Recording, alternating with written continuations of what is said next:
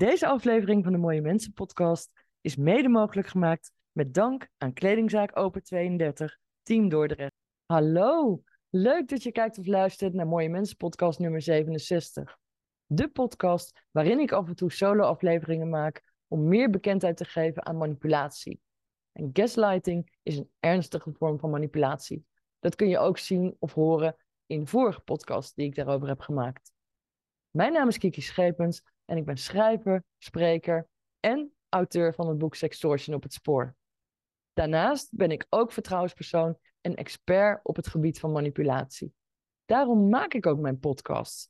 Want manipulatie, je ziet het pas als je het doorhebt. En het is mijn missie om anderen daarbij te helpen. Ik kreeg van een luisteraar de vraag of ik iets meer zou kunnen vertellen over de stiltebehandeling. Dat heb ik benoemd in podcast nummer 66. Dus ik wil diegene bedanken voor die input. En daarom ga ik er in deze podcast wat meer over vertellen. Heb jij nou ook een vraag die je beantwoord wilt zien in mijn Mooie Mensen podcast? Vul even het contactformulier in op mooiemensenpodcast.nl en misschien beantwoord ik dan jouw vraag wel een volgende keer. Wat je ook kunt doen, is je abonneren op mijn podcast, zodat je als eerste op de hoogte bent wanneer er een nieuwe aflevering online komt. Maar voor nu wens ik je heel veel kijk- en of luisterplezier met Mooie Mensen podcast nummer 67, Gaslighting, de stiltebehandeling.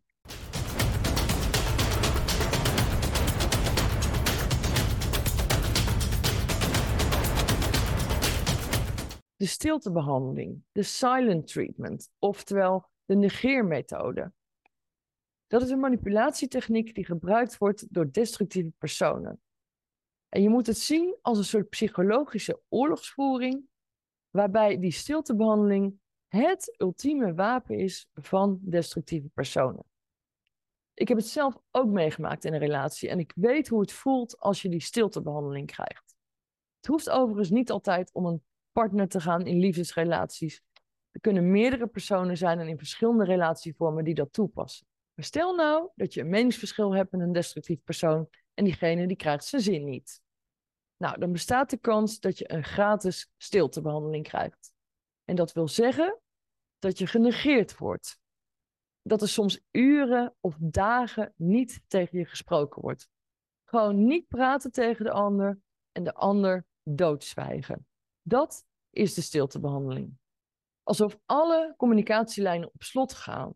En als je wat zegt, dan doen ze net of ze je niet horen, of je er niet bent, of je niet bestaat. En als je dan bijvoorbeeld vraagt, wil je wat drinken? Nou, dan krijg je een heel kort ja of nee. Of ze bakken alleen voor zichzelf wat te drinken. Als je dit bekend voorkomt, dan weet je hoe de stiltebehandeling voelt.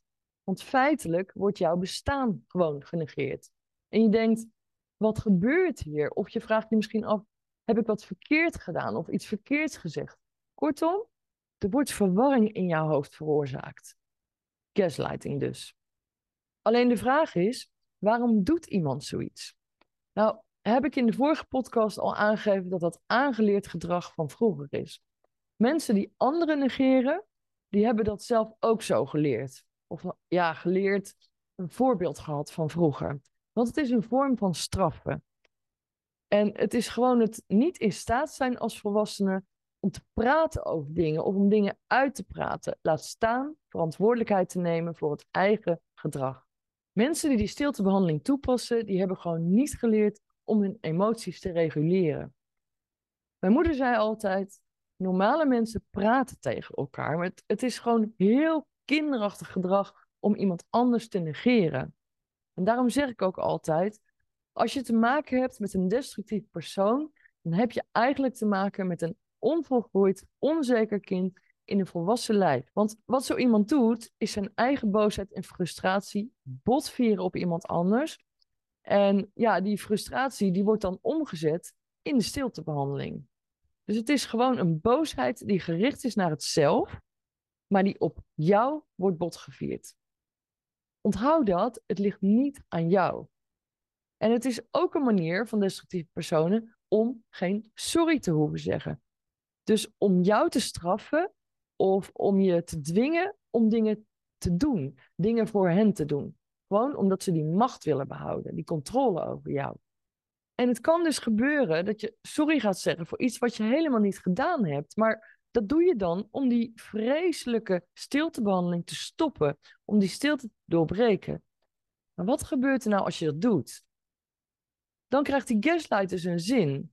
Echt hoor, het is net een klein kind. Als een klein kind zijn zin niet krijgt, nou, dan is het huis te klein. Maar stel je nou voor dat je je fouten toe moet geven. Hè? Een oprecht persoon, die kan dat. Maar een destructief persoon, die kan dat niet. En die zal ook altijd in een slachtofferrol duiken, want ja, die doet niks verkeerds. Het ligt altijd aan een ander. Nou, niet, maar dat is wel wat ze jou willen doen geloven. En wat ze jou willen laten voelen. Dus wat ik in het begin al zei, hè, die stiltebehandeling, dat is het ultieme machtsmiddel voor mensen, voor gaslighters, die die behandeling toepassen. Alles waar het om draait, dat zijn macht en controle. En onthoud dat dit zwaar grensoverschrijdend gedrag is. Toxisch gedrag, machtsmisbruik. Terwijl jij degene bent die opgezaald wordt met een schuldgevoel, maar ook met verwarring en met verdriet. Realiseer je alsjeblieft dat dat een heel toxische en ongezonde situatie is voor jou. Niet alleen voor je brein, maar ook voor je lijf, want het bezorgt jou heel veel stress. En als je maar vaak genoeg in een stressreactie terechtkomt, dan kan dat op de lange duur heel schadelijk zijn voor je. En sowieso, hè, als je keer op keer onderuit gehaald wordt, dan nou, het sloopt je gewoon letterlijk. Maar wat moet je nou doen als je te maken hebt met die stiltebehandeling, de silent treatment? Belangrijk is om er niet aan toe te geven. Ga niet proberen om die stilte te doorbreken door sorry te zeggen voor iets waar je helemaal geen sorry voor hoeft te zeggen. Probeer rustig te blijven. Tel tot 10, voor mij part tot 50. En wat ik wel eens lees bij anderen, dat moet ieder voor zich weten. Maar dan zeggen ze, ja, je moet gewoon ook die ander negeren. Nee, terugnegeren is geen optie. Dat kan tijdelijk helpen, maar daar los je de situatie niet mee op. En zeker ook wanneer er kinderen in het spel zijn. Je moet het ook het goede voorbeeld geven. En je gaat niet aan je kinderen het voorbeeld geven dat je dan maar andere mensen negeert. Want daarmee doe je eigenlijk precies hetzelfde als wat jou wordt aangedaan. Waarmee ik niet wil zeggen dat je gesprekken aan moet gaan, want dat heeft op dat moment echt geen nut. Maar misschien helpt het wel een klein beetje om te denken: maak van jouw probleem niet het mijne. Dus nogmaals, als iemand jou negeert, denk dan bij jezelf: oké, jij negeert mij, prima, maar maak van jouw probleem niet het mijne. Soms kan het ook even helpen om weg te gaan uit die ruimte of om even te gaan wandelen. En als je buiten huis gaat, zeg dan rustig dag, ook al hoef je geen antwoord te verwachten, maar dan heb je letterlijk even lucht. En wat jou vooral heel erg kan helpen, is opschrijven wat er is gebeurd. Verwoord is hoe een gesprek is verlopen. Dat geeft je vaak al inzichten. En als je kunt, zoek dan iemand die je vertrouwt om erover te praten of de dingen die je hebt opgeschreven mee te delen. Dat kan zinvol zijn, want anderen zien vaak wel dat er iets mis is. En daarom is het juist goed als je erover praat en dat je het met iemand deelt. Maar als je het opschrijft, zorg dan dat je dat verbergt voor de gaslighter. Verwoord je het via je laptop, maak er dan een document van, mail dit naar jezelf en vernietig vervolgens het document van je desktop of van je laptop. Um, ja, en ik ga ervan uit dat de gaslighter niet bij jouw mail kan. Als dat wel zo is, dan zou je eventueel een nieuw mailadres aan kunnen maken met een wachtwoord wat alleen bij jou bekend is. Of bij iemand die je echt, echt 100% vertrouwt. Voor het geval jou wat overkomt. Want er zijn nog zat vrouwen die uh, ja, zeer zwaar mishandeld worden, die overlijden door geestelijk, narcistisch en zelfs lichamelijk misbruik. Het overkomt overigens niet alleen vrouwen, maar ook mannen.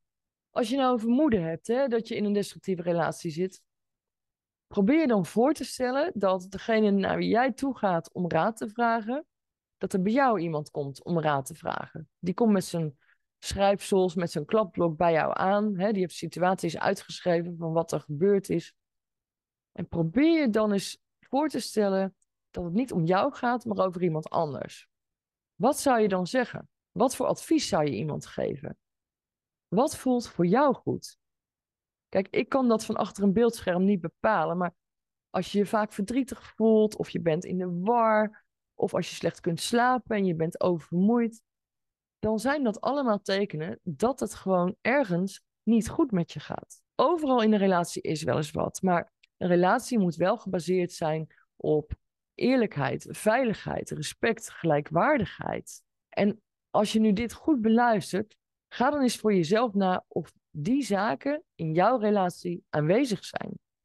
Want als een van die zaken ontbreekt, dan zou het zomaar wel eens kunnen zijn dat er iets ernstigs mis is in jouw relatie.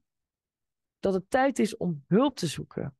En misschien is het zelfs wel tijd om uit die relatie te stappen en om alles los te laten wat je verdrietig maakt. Als overdenking wil ik je meegeven dat er ook een leven is na narcistisch-psychopathisch misbruik. Het lukte mij ook met mijn eigen Feach-methode om daarvan te herstellen. Want waarom zou je samen willen zijn met iemand die macht en controle over jou wil hebben, die je alleen maar pijn doet, die je verdriet bezorgt, die respectloos met je omgaat? Waarom? En mocht je niemand hebben met wie je dit kunt delen, voor dit soort moeilijke situaties ben je ook altijd bij mij welkom als vertrouwenspersoon en als rouwcoach. Want ik ondersteun mensen in hun herstel die in zo'n lastig pakket zitten. En ik weet echt waarover ik praat. Maar belangrijk is dus om niet toe te geven aan het negeergedrag.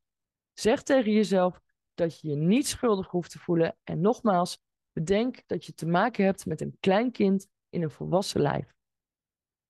Dit was Mooie Mensen podcast nummer 67. Ik hoop dat je er wat aan gehad hebt. Ik zou zeggen, abonneer je even op mijn podcast of kijk op mooiemensenpodcast.nl en laten we ons samen sterk maken in de strijd tegen manipulatie. Hartelijk bedankt voor het kijken of luisteren en graag tot de volgende keer.